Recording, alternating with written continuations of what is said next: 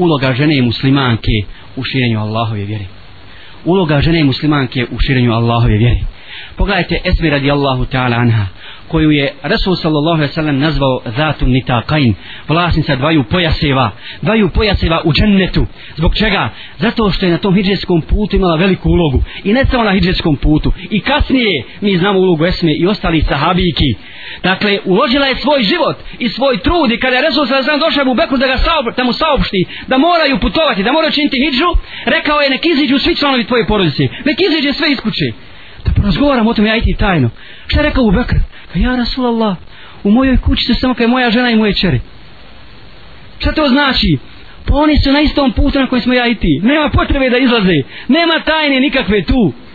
Dakle, Esma, Esma kao primjer muslimankama koje su danas koje su danas toliko ponižene toliko prezirane od strane kjafira a sami smo sebe doveli u takav položaj sami smo sebe doveli u takav i pored toga što koristimo sva moguća sredstva materijalne metode da se izvučemo iz toga da doživu nekakvu emancipaciju emancipaciju muškaraca i žena nismo uspjeli zato što smo okrenuli uh, leđa Allah, Allahu i vjeri i pogledajte još jednu stvar iz, iz života ne sme nego svi sahabijki iskrenost, čednost, čestitost, povjerljivost, poštenje, bogobojaznost, hrabrost. Tri godine Resul sallallahu alaihi ve sellem poziva u Meki šta? Kako? Tajno. Tajno. I sakupljaju se muslimani novi u kući Erkama ibn Abi Erkama koji je imao koliko? 16 godina. 16 godina. I svi ashabi koji su da primili islam bili su skoro oženjeni. Za tri godine niko nije saznao gdje se okupljaju muslimani.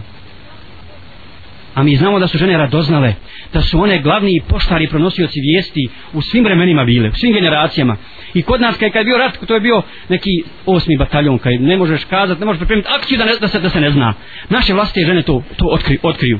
Međutim, pogledajte, žena u vrijeme poslanika sallallahu alejhi ve koje je povjerenje koja i kako koje je razumijevanje vjere razumijevanje života zajedno činile hidžu s njima zajedno pomagale u džihadu u borbi i tako dalje u promicanju u promicanju Allahove istine i nemamo veće potrebe danas sa tim od toga da naše žene postanu kao što su bile sahabijke da im one budu da im budu uzori